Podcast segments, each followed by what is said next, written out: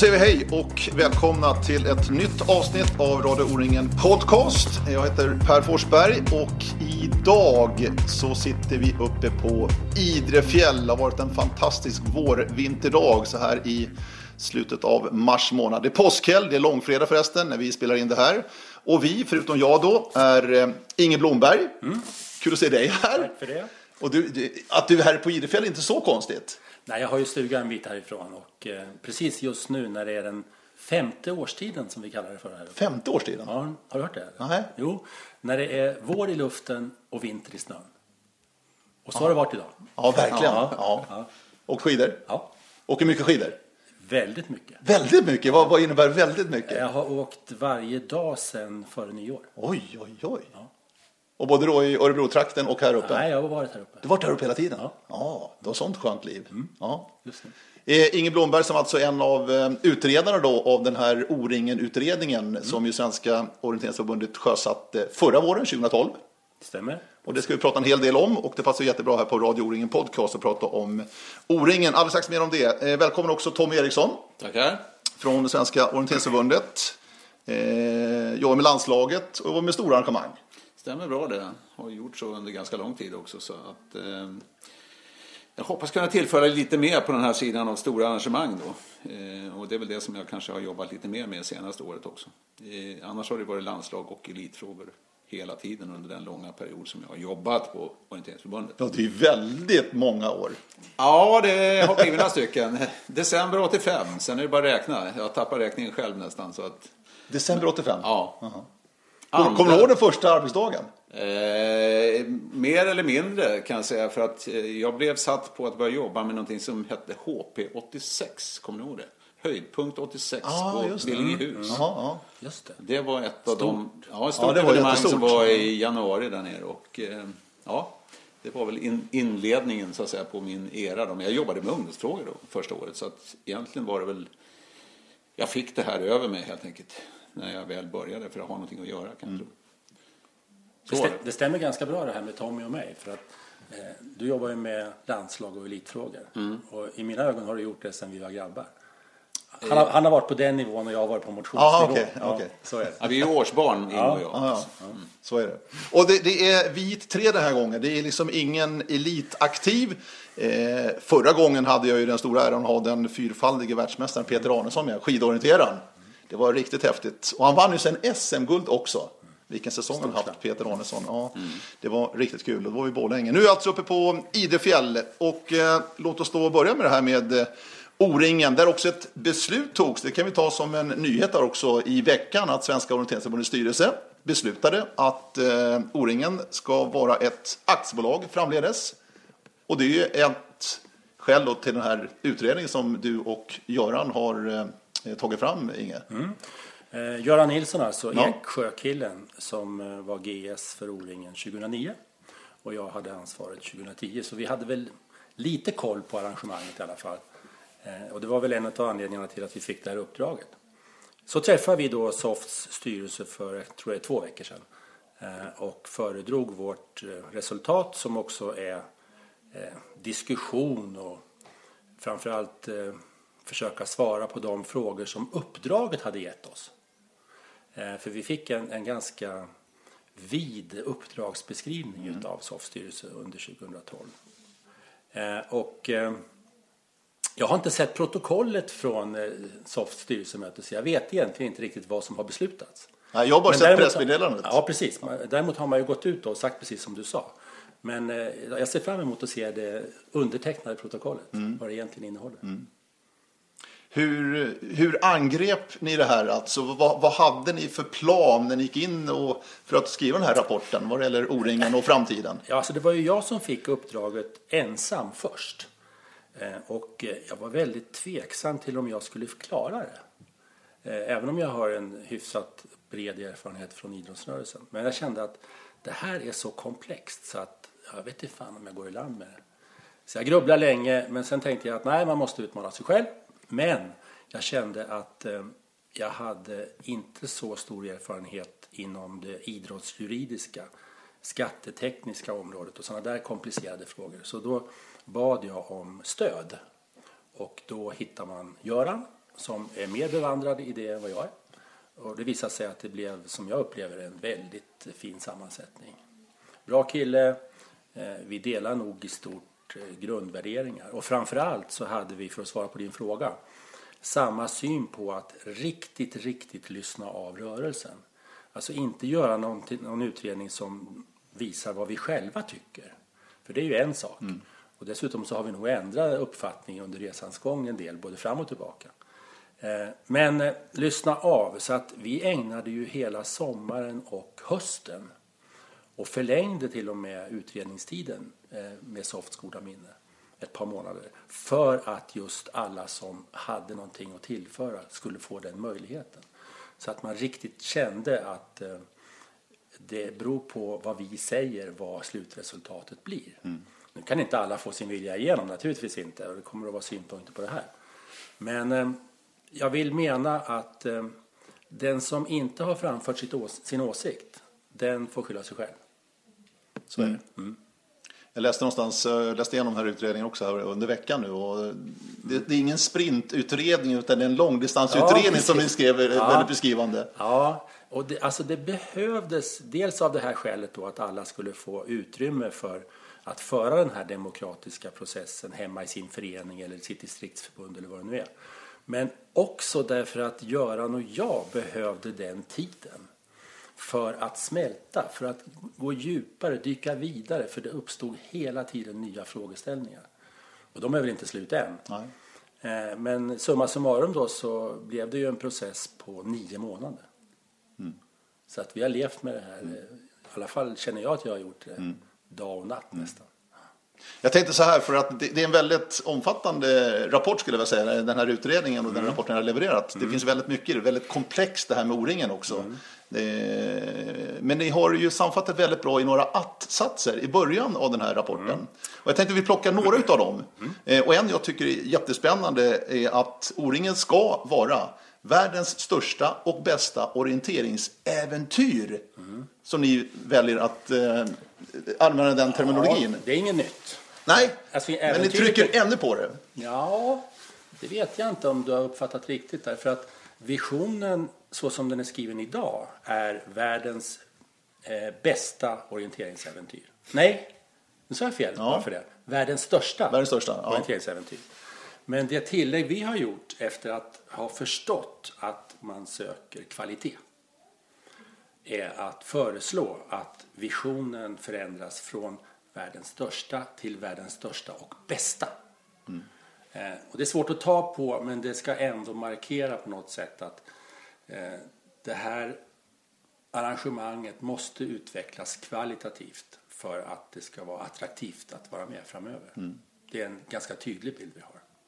Och i äventyret som tillhörde visionen sedan tidigare så ligger ju då eh, inte bara själva orienteringsmomenten. Alltså de är ju givna. Eh, och eh, att det är ett arrangemang för oss som håller på med orientering i rörelsen.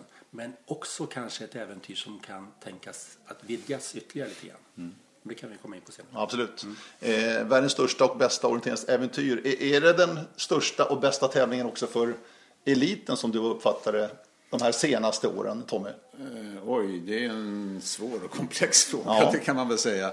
Jag menar eliten i sig, landslagseliten då, de har ju naturligtvis kanske högre mål om man nu säger situationstecken och det är ju VM och mästerskapsmål naturligtvis. Men eh, för våra svenska löpare så är det ju definitivt en viktig tävling. Eh, även om det ibland har varit väldigt svårt att få in det i programmet helt enkelt. För att vårt tävlingsprogram internationellt och landslagsmässigt det är rent ska jag säga, åt skogen ibland. Alltså det, det är väldigt, väldigt mycket för dem och det är svårt att få in det här. Som i fjol exempelvis åkte vi direkt från VM och de började med fem dagar till. Alltså. Men nu blir det en veckas uppehåll. Ja, det är ju... Och det här är väl i sådana fall då, eh, tycker jag på något sätt, att vi har ett antal stora evenemang som jag tror att egentligen IOF borde ta mer hänsyn till också. Att man kan ha ett samspel mellan, i planeringen mm. över längre tid då. För att eh, VM-arrangörerna sätter ju ofta sin egen agenda där de kör sina tävlingar och då är man lite ute på hal is. Eh, exempelvis tror jag det är nästa år, om jag inte minns fel, så ligger junior-VM samtidigt som O-ringen i Bulgarien. Eller säga, junior-VM i Bulgarien mm. ligger samtidigt som O-ringen och det är ju väldigt olyckligt. Mm. Men om man vänder på frågan så här då. De landslagslöpare som du jobbar med eh, i din roll på förbundet. De vill springa O-ringen. Är det din känsla? Ja, det tror jag. Det, det finns väl undantag naturligtvis kanske som av olika skäl kanske just då. Det är ett innevarande år inte vill vara med, men jag tror de flesta vill vara där. För det finns ju någonting mervärde också i O-ringen än bara själva elittävlingen i sig.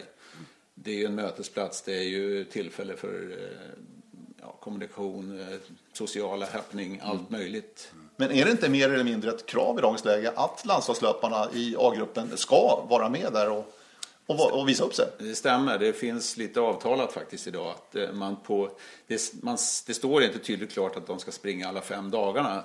Utan man kan alltså välja en kortare period också, ett alternativ där. För att vissa har ju liksom inte egentligen kanske en kropp som håller för ytterligare fem dagars påverkan på det sättet. Va? Så att, eh, ja, det är ett spel lite grann, det handlar om givande och tagande där också. Men de flesta är ju med, så är det ju. Sen f- kanske man inte orkar fullfölja då heller. Va? Det är ju en Kiri. urladdning eh, att ladda inför ett VM och sen när det är över ska du då ha en ny laddning för ytterligare fem dagar, kanske direkt inpå. Och då ska det nog gå väldigt bra för att du kanske orkar hålla på hela veckan ut. Det tror jag. Men till sommaren då och Boden så känns det ju fantastiskt kul att vi har de två stora på dam och herrsidan. I världsorienteringen just nu som kommer att vara med. Har ju använts eh, redan nu. Det är Simone Nigli på damsidan och Thierry då, fransmannen på herrsidan. Och visst är det kul Inge att Ja. de här vill vara med och det- verkligen vinna tävlingen. Ja, dessutom är de ju ambassadörer. Eh, och, men Teori han hoppar av sista etappen förra Ja, han skadar sig. Han skadar sig. Ja. Ja, precis. Ja. Hoppas han, han vill väl vinna antar jag. Ja, det är det han vill Ja. vinna. Det är det som han har kvar att vinna, säger han Ja, själv. precis. Det är lite som skidåkarna vill vinna Vasaloppet innan de slutar. Va? Ja, det är stort. Det är bra. Just det här att det är attraktivt också för elitlöparna och inte bara för bredden, familjen, barnen, ungdomarna. Nej, alltså det gör det ju till världens största och bästa orienteringsäventyr. Ja, men då, då knyter ihop den säcken väldigt bra där alltså. Det, det finns ju faktiskt ytterligare en, en eh, gren på det hela som är viktig för löparna tror jag också. Det är ju att det är medialt det här. Vi syns ju faktiskt i tv, jag ska säga, i förhållandevis ganska mycket då. Och det är ju en chans för dem att utveckla sitt eget varumärke på något sätt också. Var någon som sa att, eh, för visst är det vecka 30 va? Jag tror det. Ja, jag är dålig på veckonummer, Ja, men men- det är sista veckan i juli Ja, precis. Att det var genialiskt att man började den veckan. För det är ganska tunt med andra arrangemang den Mm. veckan som media söker och framförallt lokala media. Det stämmer. OS och sånt brukar ju oftast ligga i augusti. Ja. Till exempel. Ja. Och VM i fotboll ligger ofta i juni. In i juli kanske. Eh, jag fortsätter på här, de här att-satserna som ni inleder den här rapporten med och sammanfattar väl rapporten ganska bra också. Och det är ett nytt ben då som O-ringen ska vila på. Att ge en hög ekonomisk avkastning till arrangörer, stödfunktioner och eh, ägare. Och det är ett nytt ben så att säga som ni vill gå i. Och det är ganska mycket om det i utredningen här. Just den här ekonomiska biten. Och som i slutändan då ger förslaget att eh, göra O-ringen till ett aktiebolag. Ja, alltså. Eh, vi gick ju in med öppna ögon och ställde egentligen frågor då till ett antal enskilda. Till, vi var på eh, seminarier, vi var på distriktskonferenser, stämmer, ting, kallar det vad du vill. Eh, och ställde frågan om hur man såg på O-ringen. Och det slående var, och det tror jag också att vi redovisar rätt tydligt i rapporten, det var att som nummer ett av argument för O-ringen så säger alla, vi har inte hört någon säga motsatsen, att det måste ge avkastning. Vi måste tjäna pengar. Och det här funderar vi väldigt mycket över för att vi tror att för, hade vi ställt samma fråga för 15-20 år sedan så hade man inte sagt så. Utan då hade man sagt någonting annat. Vi vill eh, ta vårt ansvar, vi vill göra en, ett, ett bra äventyr eller någonting sånt där. Och det säger man också. Men man säger det efter att man säger att förutsättningen är att tjäna pengar på det. Och på något sätt så blev den här aha-upplevelsen för oss avgörande för hur vi skulle gå vidare. För det har hänt någonting i samhället, det har hänt någonting med oss som individer också. Eh, Vi utgår från att det måste gå runt, det måste gå ihop. Annars är det inte värt att göra det här arrangemanget. Då ställer vi inte upp och fixar det. Då lägger vi ner. Eh, Så att med det som intäkt för att gå vidare så blev svaret egentligen ganska enkelt i slutändan. För om man börjar driva en verksamhet som, som styrs av ekonomiska incitament så måste man också förstå att som en följd av det så blir man också klassad eh, in i någonting som kanske inte stämmer med hur det har varit. Mm. Idrotten har varit en ideell folkrörelse sedan 1903. Eh, och eh, eh, vi var inte tillräckligt kunniga för att förstå all den teknik som omgärdas kring det här. Så därför så har vi varit noggranna med att eh, konsultera de som kan frågorna. Eh, och då har vi vänt oss till eh, några av juristerna på RF. Eh, både chefsjuristen där, Palin, och skattejuristen Thomas Karlsson. Och vi har pratat med revisorerna, både lekmannarevisor och den professionella revisorn som, som kan det här. Och de säger ju entydigt att det är nog så att idrottsrörelsen måste förstå att man kan inte både ha kakan och äta upp den. Utan eh, man måste nog välja väg. Eh, och när vi insåg det så, jag vågar tala för Göran också nu tror jag, så hade vi våndor därför att vi är uppväxta och på något sätt värdegrundade i det här andra. Ja. Eh, och jag sa till mig själv flera gånger att jag måste nu vara neutral. Jag måste våga ta in trots att man är 60 plus. Liksom. Mm. Och det viktigaste för mig blev att eh, se att vi ger förutsättningar för verksamheten, alltså själva aktiviteten, att växa och bli bättre. Mm. Eh, sen må det finnas olika lösningar i överbyggnaden för att hjälpa till med det. Men det viktigaste måste vara det. Och det perspektivet har vi försökt att hålla. Och då så eh, säger inte vi att eh, det finns bara ett alternativ till hur organisationen ska se ut framöver. För vi är på det klara med att man kan göra det på många sätt. Och vi applåderar ju debatten om nu SOFT bjuder in till det. Eh, men eh, om vi ska lyssna på expertisen och även på många ur rörelsen så, så blir det den här vägen som vi ska gå. Mm. Jag, tycker det är så otroligt intressant det här med just att ni nu lägger in den här att det ska ge en hög dessutom, en hög mm. ekonomisk avkastning. Mm. För någonstans har du ju helt rätt, och en liten liknelse bara, att det har ju liksom varit fult att tjäna pengar då. Mm. Som orienterare, lite som skidåkare också. Va? Mm. Tänk dig på en tennisspelare, en golfspelare. Där är ju status att tjäna mycket pengar. Mm. Men det är det inte för oss då som håller på med orientering kanske till exempel. Va? Vi är ute i skogen och vi ska inte, det har varit fult att tjäna pengar. Och det där tror jag är, det är en kutting att vända på det här. Ja, det är det. De sista entusiasterna, de sista ja. amatörerna eller vad det nu Exakt. Ja, etiketten ja. Ja. ja.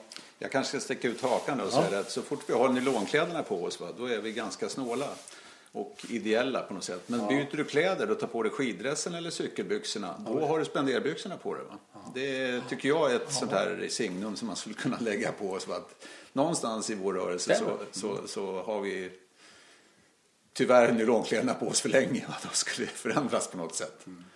Ja, men jag tror det ligger mycket i det. Jag tror det ligger mycket det. Ja, möjligt. Men sen resonerar ju vi väldigt eh, mycket i rapporten också om eh, förändringen eh, mellan, alltså samspelet mellan det ideella, det kommersiella och det gemensamma, alltså det offentliga. Där vi ser att det sker förskjutningar. Det är inte riktigt lika tydligt uppdelat mellan de här sektorerna som det har varit tidigare. Och utmaningen tror vi blir att eh, det här ska kunna samsas. Och jag, om jag bara går till mig själv så, precis som du säger, jag är faktiskt väldigt ideell i vissa sammanhang. Det skulle aldrig falla mig in att ta en krona. Det liksom finns inte. Ja. Utan det sitter så djupt i själ och hjärta. Men sen kan jag vara ganska kommersiell också om det är så. Eh, och det går faktiskt att kombinera i samma människa. Mm. Eh, Men inte i samma idrott kanske? Nej, det är möjligt. Nej, precis. Men eh, så jag tror att eh, vi kommer att få motstånd. Eh, eller vi, Svensk Orientering, det är de som äger, äger resultatet nu. Eh, och vi kommer att få applåder. och debatten tror jag är väldigt nyttig. Väldigt mm. nyttig. Det är ju det är många andra idrotter som har eh, gått den här vägen. Och vi har ju sneglat på både Vasaloppet och Vätternrundan med flera. Va? Men de har nog gjort det lite mera sådär ad hoc. Alltså. de har liksom kastat sig in på ett spår därför att det kändes bra eller rätt eller sådär. Eh, vi har i alla fall inte fått fram några utredningar av den här omfattningen från, från deras beslut. Mm. Så då känns det väl ändå bra då att vi har ett att svensk orientering nu har ett underlag om man orkar sätta sig in i det. Mm. Det kanske går att popularisera det här på något sätt. Mm. Det, det, är möjligt att göra. Mm. mm. Men innan vi kommer fram till eh, frågan, veckans fråga och förra veckans eller förra avsnittets vinnare. Mm. Jag skulle bara lägga fast där att aktiebolaget då, som ni föreslår och som nu Svenska Orienteringsförbundet också har beslutat ju, mm. eh, ska driva O-ringen som ett AB. Det är inte AB som kommer att arrangera O-ringen utan det är arrangörsföreningar alltjämt. Eller hur? Ja, absolut. För det måste vi liksom klargöra bara. Ja, jo, eh, fast AB kommer ju att ha en helt annan styrmöjlighet. En, eh, ja, eh, helt annan kanske var att ta i därför att organisationen har redan nu förändrats i den här riktningen men under ideellt paraply. Mm. Så att egentligen blir inte förändringen så som den upplevs av människorna tror jag inte blir så stor. Utan det, det här är ju ett spel på organisationsnivå. Mm. Men eh, självklart utan svensk orientering, föreningsrörelsen i botten, alla ideella människor som kliver ut en vecka, ett halvår, ett år, flera år och gör det här för att de älskar det, mm. så skulle det ju inte bli något. Nej. Det är grundförutsättningen. Ja. Det, det, har vi förstått hela tiden. Skulle någon annan skulle någon tro mm. någonting annat så, så är det fel. Mm. Självklart är det så. Alltså, de senaste åren och media och bevakning eller AB och idrott. Ja. Det är egentligen de här polisbevakningarna kring fotbollsmatcher och några hockeymatcher också, men framförallt fotbollsmatcher. Där det ju råder en, en, en, en twist egentligen mellan klubben då, som har ett AB som de driver klubben i, och gentemot polisen och eh, ja, alltså, eh, de vanliga servicenäringarna alltså, i samhället. Men om jag tar en erfarenhet från Örebro när jag stod där som ansvarig så hade ju vi ganska omfattande kostnader för säkerheten. Ja. Säkerhet och polis. Ja. Inte att jämföra med, med lagsporterna, självklart inte. Men vi hade ju också en del incidenter. Det var faktiskt så att det var lite fylla även mitt i veckan. Och vi fick eh, avhysa eller uppfostra hur man ska säga, ungdomar. Mm. Och det kostar en slant. Mm. Så det hade vi oavsett vilken organisation. Det hade den då? Ja, ja. Och det lär fortsätta för framtiden också. Vi hade också väldigt stora kostnader för att hyra mark. Alltså vi hade ju en kille där som, som var kommersiell men också ideell i andra sammanhang. Han, för honom spelar det ingen roll om det här var ett aktiebolag eller om det var en ideell förening. Han läste i tidningen att vi förväntade oss att vi skulle göra fem miljoner i vinst. Mm. Jaha, fem miljoner i vinst och så ska de vara på min mark. Mm. Och då får de minsann betala. Och vi hade inte en chans att klara oss undan det. Eh, därför att hans argument håller faktiskt. Så det är också en utmaning för framtiden. Och eh, hur, ska, hur ska det här ske? Men det har ju inte heller någonting med AB att göra Absolut egentligen. Inte. Nej, utan Nej. det här är ju en problematik egentligen på många ställen ja. i Sverige just nu. Och vi att man måste betala för den marken vi det, utnyttjar. Ja, det måste man göra. Och vi tror inte heller att Eh, offentlig sektors syn, alltså kommunerna i det här fallet då, främst, deras syn på arrangemanget kommer att förändras av att vi bolagiserar delar utav verksamheten. Därför att de inser och förstår att i allt väsentligt så sker det ett ideellt arbete i botten. Och de inser också och förstår att det är attraktivt att ha O-ringen som arrangemang på sin hemort. Mm. Det, det, syns och det hörs och det, det, är bra, alltså det är kvalitet just. Mm. Nu är det dags för eh, eh tävlingen, ett litet sånt här skönt avbrott i den här härliga O-ringen diskussionen. För två veckor sedan då när jag var i Borlänge och hade den här frågan eh, om just Peter Arnesson och hans moderklubb. Vi fick in en hel del svar och en hel del var felaktiga, men några var rätt också. Jag har dragit en vinnare. Men eh, kunde du det? Nej, Inge? Nej, jag kunde inte. Arnesson. Du, du kunde det Tommy? Nej, egentligen inte. Eh, jag visste ju vem eh, föräldrarna var, men jag visste ju inte om han hade Nej. den klubben. Är det Simrishamn? Ulricehamn? Ja, det är ju nära. Ja, det är, de trakterna är det ju. Ja. Lasse Arnesson kommer jag ihåg. Ja, men är det, det farbror? Ja, jag är lite osäker på det. Men det, ja. det, det, är inte den delen i sådana fall av släkten. Okay, Lasse och Elsa Arnesson kanske Just det, kommer ihåg. just det. Nu är det för oss över 60. Ja, just det. Svaret i alla fall är Bottnaryds IF. Han åker ju för IF Hallby SOK. Eh, som inte är så långt därifrån. Bottnaryd ligger ju väster om Jönköping, ja, mellan Jönköping och Ulricehamn. Kan man säga. Så Bottnaryds IF och Anna Fögele eh, har vi dragit som vinnare. Och hon är medlem i, gissa vad?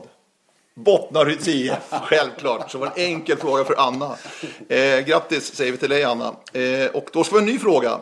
Eh, och jag tänkte att vi ska ha en, eh, när ändå Inge Blomberg är med här då som vi var generalsekreterare för eh, O-ringen i eh, Örebro län, som det hette då senast. 2010. Eh, 2010, ja precis.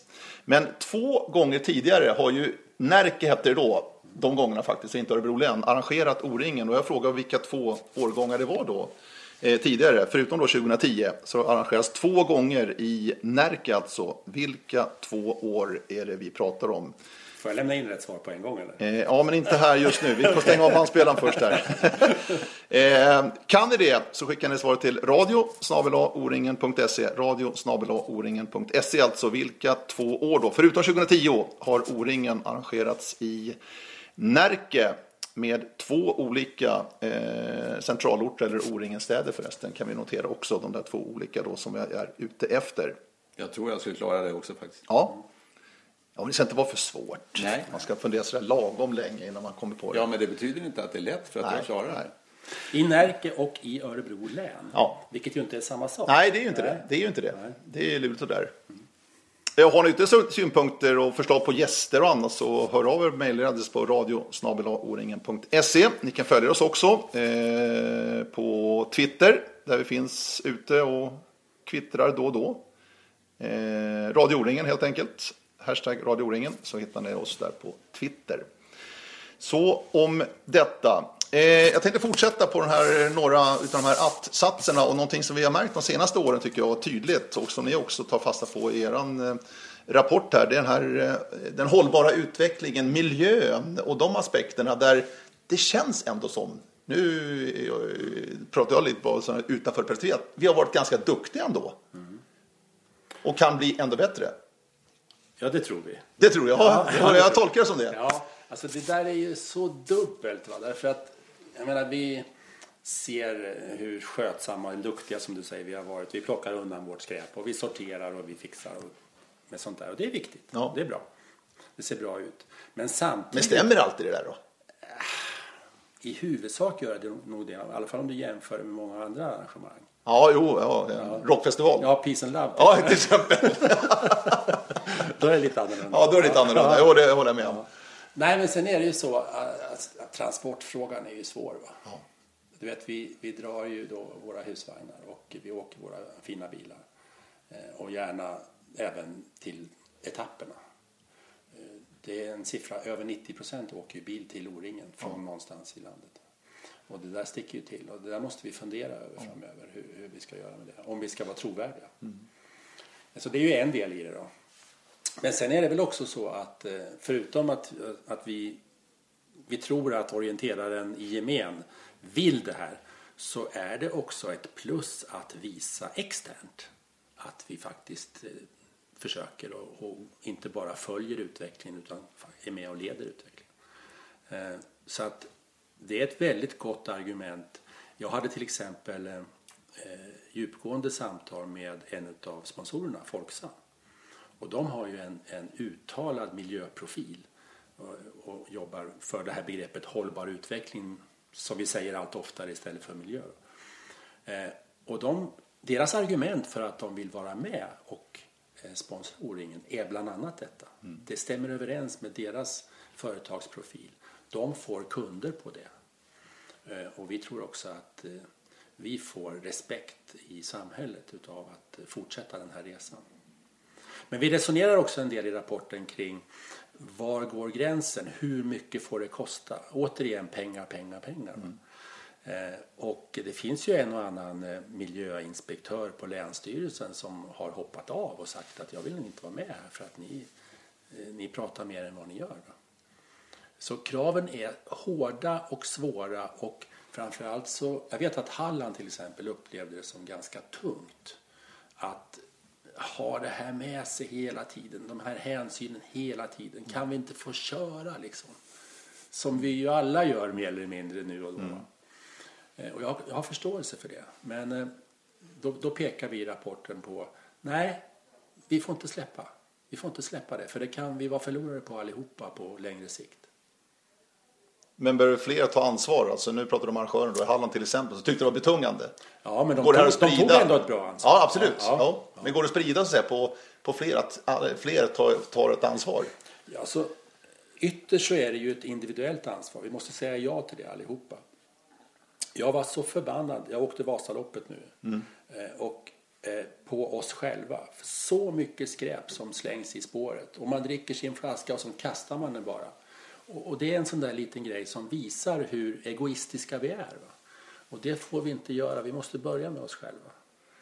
Eh, ja.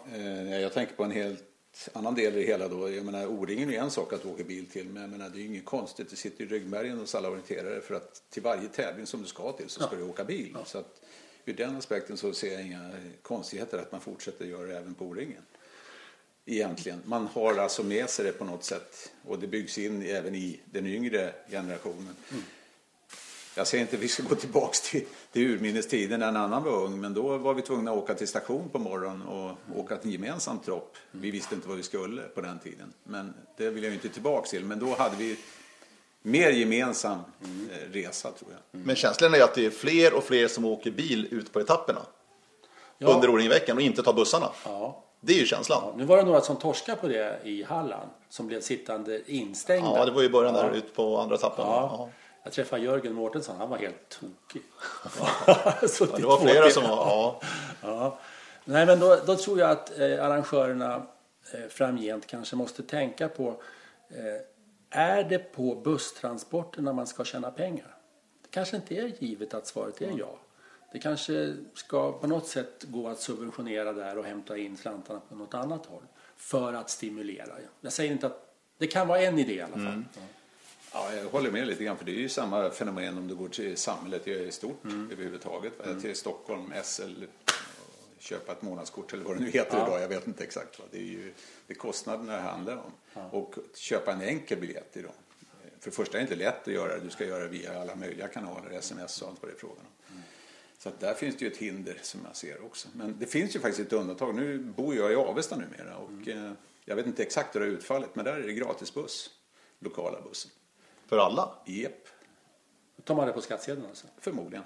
Jaha. Fantastiskt. Nu är det ju väldigt få liten busstrafik det handlar om, men det finns ändå just nu. Så får vi se hur utfallet blir där. Ingen aning, men eh, det är ett försök i varje fall. Mm. Ja, det kanske är Men en gratisbuss tror jag inte att det kommer bli på O-ringen i och för sig. Nej, det gör det nog inte. Nej.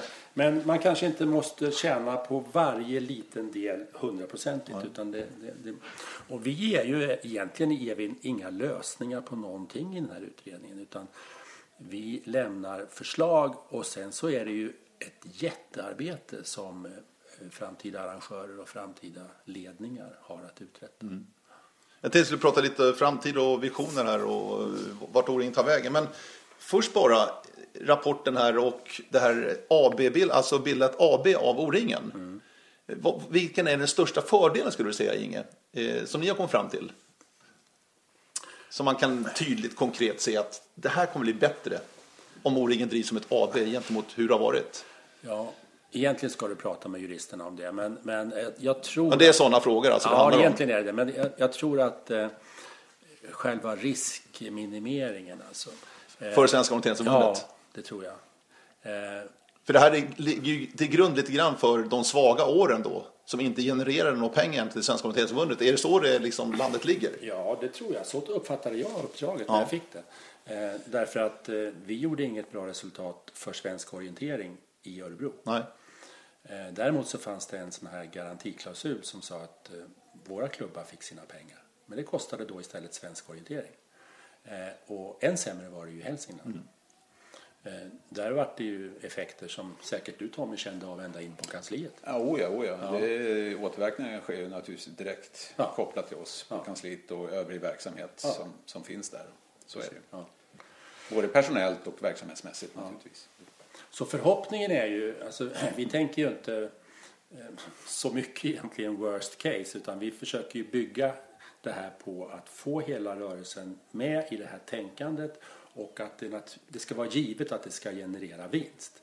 Och då har ju eh, O-ringen möjlighet att bygga upp eget kapital. Och naturligtvis, beror precis på hur Soft skriver ägardirektivet, så ska man eh, generera en slant till svensk orientering. Mm. Och hur relationen mellan avkastningen för den lokala arrangören, för ledningsorganisationen eller O-ringen AB då, och Soft, det kan jag inte säga utan det måste framtiden Ja, absolut. Ja. Ja. Men det står ju också att inga garantipengar då framöver efter den här nya modellen. Nej, därför att vi tror att eh, det, finns, det finns ju trygghet och fördelar i det också. Men det finns inte de incitamenten som krävs när du ska driva någonting företagsmässigt. Du måste tro på vad du gör och eh, lägga in all energi du har för att skapa den här vinsten. Och då kan du inte luta dig tillbaka. Ut, utan att hänga ut någon så, så hade jag faktiskt en sån där episod som är rätt festlig i Örebro på en av etapperna. För då kom en kille som sysslade med kioskverksamheten och var jäkligt nöjd vid halv två. För då var det slutsålt. Alltså, och han tänkte sig kanske inte riktigt för. Va? Eh, och det var väl bra att det var slut, men vi hade ju kunnat sålt i två och en halv timme till. Mm och, och, det är det, liksom det drivet som jag tror att man måste ha. Alla måste vara inställda på att jobba på det sättet. Mm. Eh, framtiden då? Tror du att vi eh, kommer få se ett O-ringen i eh, Jämtland framöver?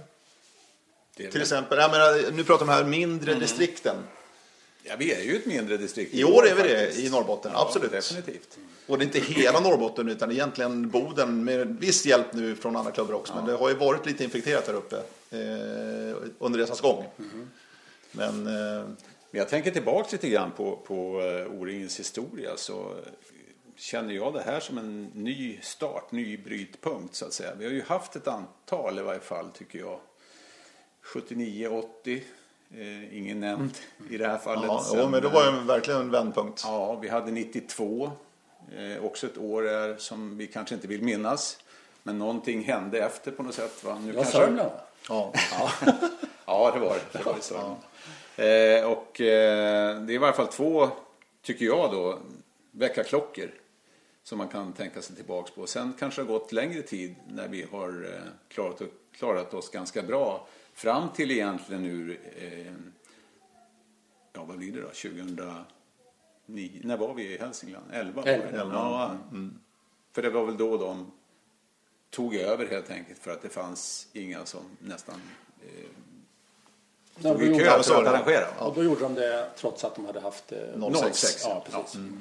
Och jag tror att här är nästa brytpunkt och då har vi tre sådana här tillfällen som kanske man kan bygga det på. Mm. Jag vet inte, någonting kanske ligger i det. Och då är en ny, ny start, nytt sätt att se på det och jobba positivt. Ja. Vad jag menar är att eh, Jämtland och de mindre distrikten tror jag får oerhört tufft. I alla fall att fixa det O-ringen som vi är vana vid i dagens läge. Jag, jag personligen tycker att O-ringen nästan erbjuder för mycket. Det blir för stort att ta hand om. Jag tror att man kan erbjuda, man, man kan erbjuda en lika bra orienteringstävling med allt vad O-ringen innebär egentligen. Men utan att man kan ta bort en hel del grejer, tror jag. Utan att det egentligen märks som kostar och som kanske kan generera mer pengar istället in då till, till arrangörsföreningarna, vilket de är väl värda. För att det är ett enormt arrangemang. Det vet ju du Inge som har varit ja, inne i det alldeles ja. nyligen. Och många av de här experimenten som, som pågår hela tiden och som har bytts ut många gånger från år till annat. De är ju väldigt personellt krävande. Va? Och, eh, vi är inte lika säkra på de uppgifterna. Som de tar tid och kraft. Så att det, det, din iakttagelse är riktig. Mm.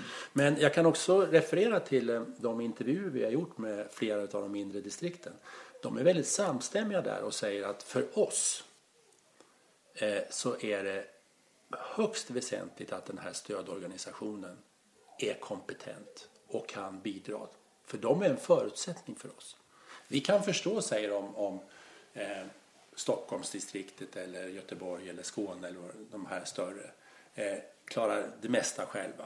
Och låt dem göra det. Eh, desto bättre om man har den kompetensen samlad. Men den finns inte att hämta på samma sätt i Boden eller i Jämtland som du tar som exempel. Så att jag vet ju att eh, Mark och hela hans stab gör inte bara ett arbete på marknadssidan och med ekonomi och annat stöd utan även rent orienteringstekniskt eh, uppe i Boden. Mm. Eh, så att de efterfrågar mer stöd. Så, att mm. så de, de, har varit, eh, för att summera, väldigt tydliga med för oss är det ett måste.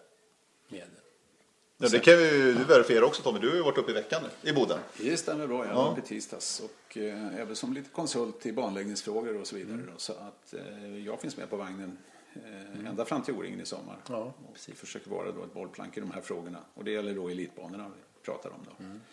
Så visst finns det redan idag, det gör det. Mm. Jag tänkte vidare på det här så om, om Jämtland så det är ju bara att bolla över till, är det 20, nej det är det, 17 i Sälen igen? Eller när var det? 16. 16 mm. just det. Och eh, jag menar, i Sälen finns ju ingen storklubb om man nu säger så. Vi har Malung, Malungs OK, Skogsmålarna i Malung och så vidare. Men sen så måste man alltså ta kraft av övriga Dalaklubbar, mm. vilka som är intresserade då. Och det är i sådana fall om man ska ha i Jämtland så ser jag ingen annan modell än praktisera samma sak. Att man får ta hjälp av omgivningen helt enkelt. För det här är ju som jag ser en större fråga än, än, än bara O-ringen eller orienterare. Var finns folket idag? Var kan man jobba någonstans? Mm. Du nämnde Stockholm kan sköta sig själv. Stockholm har inte arrangerat O-ringen sedan 1975. Vi gjorde ett försök till 2004 men det sprack. Eh, frågan är, är Stockholm på tur igen? När... Jag har varit på dem. Ja, jo. Alltså det här är ju en komplex fråga ja, det är det. i allra högsta grad. Men Stockholm har ju så många andra stora arrangemang i absolut, sig också. Absolut. Ja. Det är 49 gången nu i sommar. Det är 50 gången nästa år och då är det tillbaka till P.O. Bengtssons marker i Kristianstad. Ja. Eh, lite för att naturligtvis ära PO tror jag, att de fick det där och sökte arrangemanget också. Det är han väl värd. Ja, verkligen. Mm. Eh, men om vi tittar ytterligare tio år framåt, 60 gånger, hur ser O-ringen ut tror du Inge? Eh, ja, jag tror i alla fall inte eh, att det är eh, sektbetonat.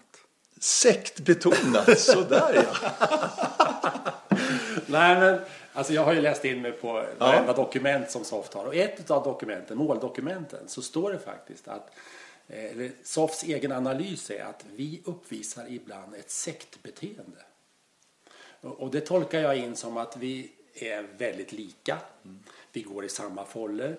Vi har samma språk. Vi släpper egentligen inte in så mycket annat eh, i andra impulser även om vi tycker eller tror det. Utan vi, vi blir lite sekt det är som jag sa tidigare, nylonkläderna. Ja, just det. Ja, precis. Ja, precis. Ja. Eh, och det, det, finns väl eh, något gott med det därför att vi känner gemenskap och så. Men om vi nu ska utvecklas och andra ska komma in i vår gemenskap. Till exempel som vi föreslår eh, alla våra nysvenskar. Mm. Hur, alltså svensk orientering är inte på banan där. Absolut inte. Eh, och då, då, räcker det inte med att, att säga att ja, men dörren står öppen till klubbstugan och, och vi har overaller att sälja, det hänger i garderoben. Det funkar inte, utan man måste berika eh, sin egen verksamhet på ett helt nytt sätt och ställa frågorna till de här människorna hur de vill och hur de tänker och, och, och vara tillmötesgående där. Och det där är komplext och svårt. Mm. Men jag tror att hela samhällsutvecklingen kommer att gå i den riktningen. Vi är tvungna till det. Det är också önskvärt, i alla fall om du frågar mig. Eh, och eh, svensk orientering är en del av samhället så att det måste gå parallellt. Så därför så tror jag att om tio år så är det mycket mer mångkulturellt. Även om O-ringen är mångkulturellt i den meningen att det är 50 nationer som är representerade.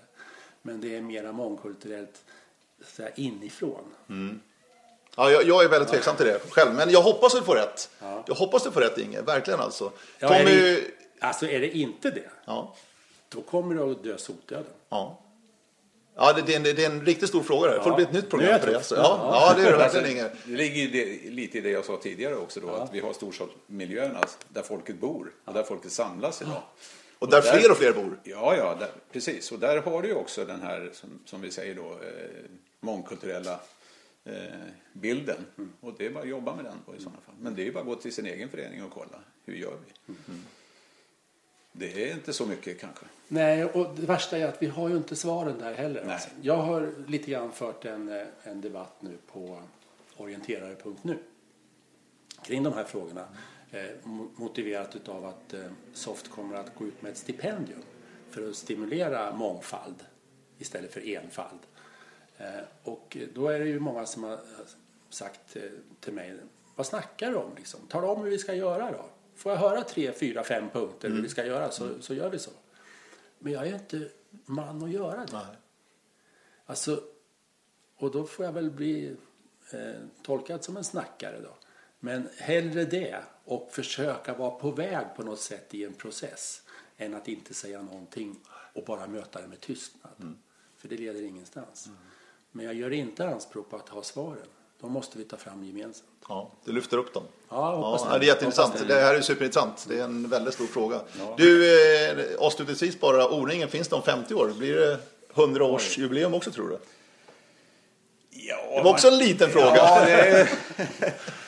Man kan ju undra vad tekniken gör med vår framtid. Det är ju en ganska stor fråga. Jag ser ju redan idag hur mycket vi håller på att förändra hela vår sport egentligen. Alltså förutsättningar för vilket är väldigt intressant och väldigt bra tror jag. Vi, eliten de tränar med headcam och det är GPS och liksom man sitter och jobbar i datorer och i alla möjliga former. Jag tror att vi kommer påverkas ganska långt fram i tiden av det här också. Hur det kommer se ut, det vet vi ju inte naturligtvis eftersom vi inte är där ändå. Men, men jag tror att vi i någon form så är vi nog där. Vi mm. finns där fortfarande. Om det sen är fem eller tio dagars, det vet jag inte. Det kanske är en eh, Tor de O-ring, jag vet inte. Ah, ja, riktigt ja. spännande. Ja, mycket bra där Tommy. Ja. Eh, långfredag. Ni har hört det fjärde avsnittet av eh, Radio O-ringen Podcast. Eh, det var ju orienteringspremiär förra helgen förresten, nere i eh, Strömstadtrakten. Eh, där Kalvis Mihailos och Helena Jansson vann senior-elitklasserna. Kvillebyns SK, World Ranking Event. Just det. Mm. Och sjumanna har sprungits. Ja, det är ju några få tävlingar som vi fått runt faktiskt. Ja, det är ju ett snöläge som är knepigt mm. söderöver. Mm. Eh, för oss som gillar skidor så är det ju förnämligt. Det är, vad står det, femte årstiden? Jag tänker stanna i den femte årstiden ja. i tio dagar till. Tio dagar till? Ja. ja. Men det är knappast barmark nere i Örebrotrakten heller när du kommer tillbaka. Nej, Kilsbergen är snötäckta fantastiskt. Ja. Det är som fjällen Ja. ja. Jag har varit uppe och åkt skidor där i vinter faktiskt. Ja. ja.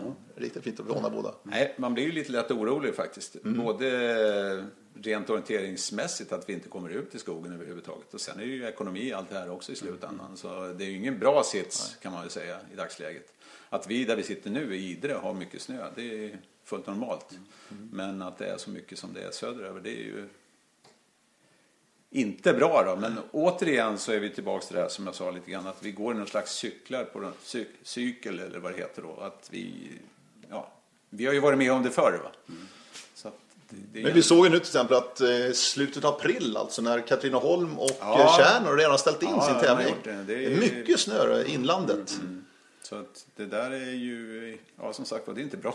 Men då kommer det att vara ett uppdämt jätteintresse Absolut. för att åka till Boden. Ja, det ja, och anmälningsgränsen går nu ja, på första april. Va? Mm, mm, stämmer. Så vi får väl uppmana folk till att ja. kom dit mm. av alla skäl. Ja. Ja. Jag tror det var någonstans runt 6 500 anmälda någonstans. Okay. Ja. Och det är inget aprilskämt utan det är anmälningsstopp då, första april. Ja, ja. det blir lite dyrare tror jag efter det. Mm. Precis. Och håll gärna kontakten med oss. Mm. Eh, radio oringen.se med svaret på frågan. Vi frågar alltså eh, tre gånger har O-ringen arrangerats i Närke slash Örebro län. 2010 var senast, men de två eh, tidigare gångerna är alltså frågan. Radio oringen.se och så finns vi på Twitter också. Där hittar man oss på hashtag radio O-ringen. Därmed tack så mycket Ingen Blomberg och Tom Eriksson. Tackar så mycket. Och får se då när eh, nästa podcast dyker upp någonstans i Sverige. Vi får se, kanske det blir en barmarksversion av Radio Podcast nästa gång. Ha det jättebra. Vi hörs framöver. Hej då.